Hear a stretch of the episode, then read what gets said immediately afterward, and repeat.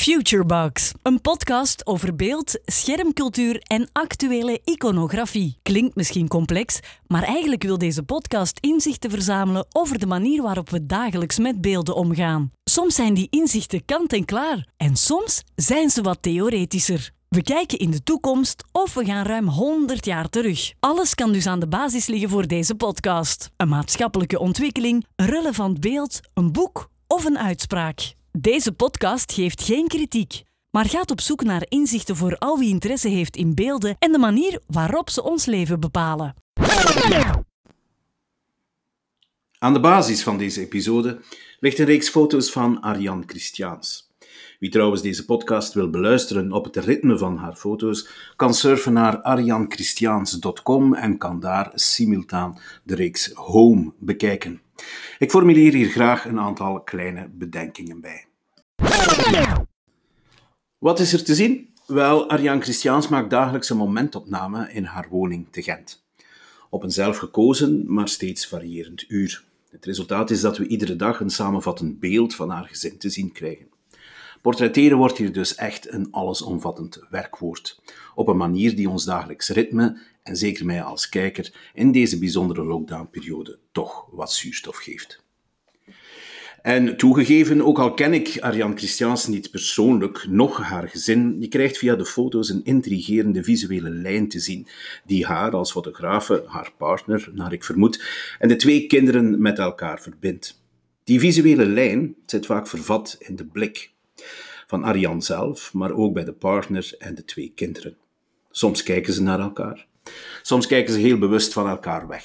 Ze liggen, ze staan, ze knielen, ze lachen of niet. Of ze kijken mij aan, of ze draaien heel berust hun rug naar me toe. Telkens zien we, eigen aan deze moeilijke coronaperiode, een maatschappelijk verhaal dat een sociale en ook psychologische situatie schetst van een gezin dat binnen een specifieke context, de lockdown, op zoek gaat naar de onderlinge verhoudingen, ze aankaarten en meteen ook de kleine thema's in de foto's mee vertalen.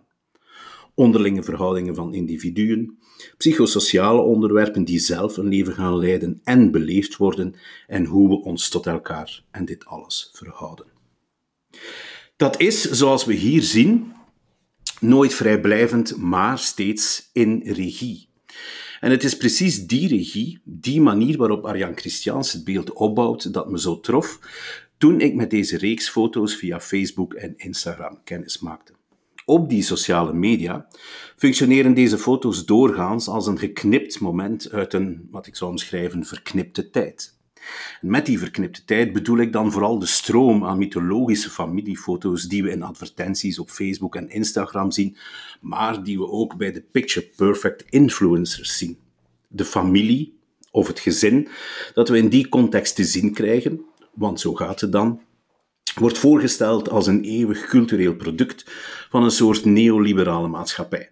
Met veel visuele middenklasse-retoriek, vrij patriarchaal, willens nillens ook modern, als een soort natuurlijke second skin die iedereen zomaar kan aantrekken.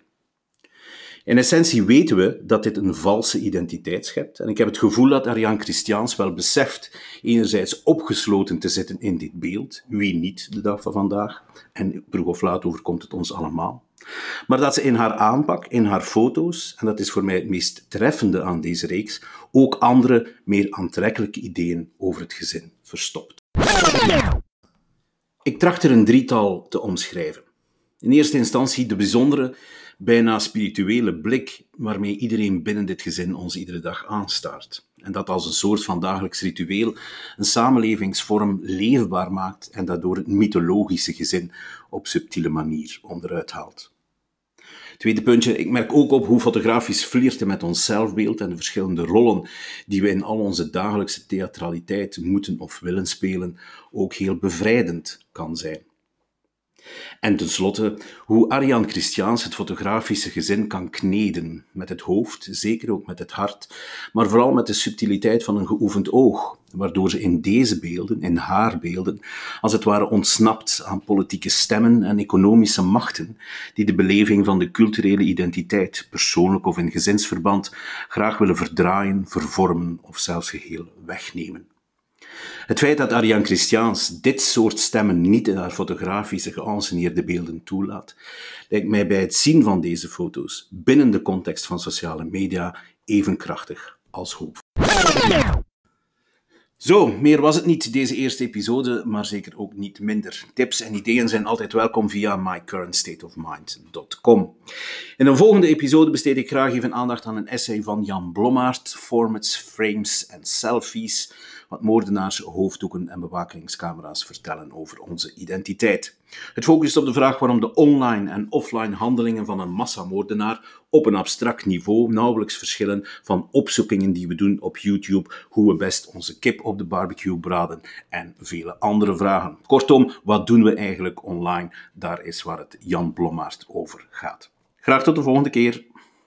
Futurebox, een podcast over beeld, schermcultuur en actuele iconografie. Klinkt misschien complex, maar eigenlijk wil deze podcast inzichten verzamelen over de manier waarop we dagelijks met beelden omgaan. Soms zijn die inzichten kant en klaar en soms zijn ze wat theoretischer. We kijken in de toekomst of we gaan ruim 100 jaar terug. Alles kan dus aan de basis liggen voor deze podcast. Een maatschappelijke ontwikkeling, een relevant beeld, een boek of een uitspraak. Deze podcast geeft geen kritiek, maar gaat op zoek naar inzichten voor al wie interesse heeft in beelden en de manier waarop ze ons leven bepalen.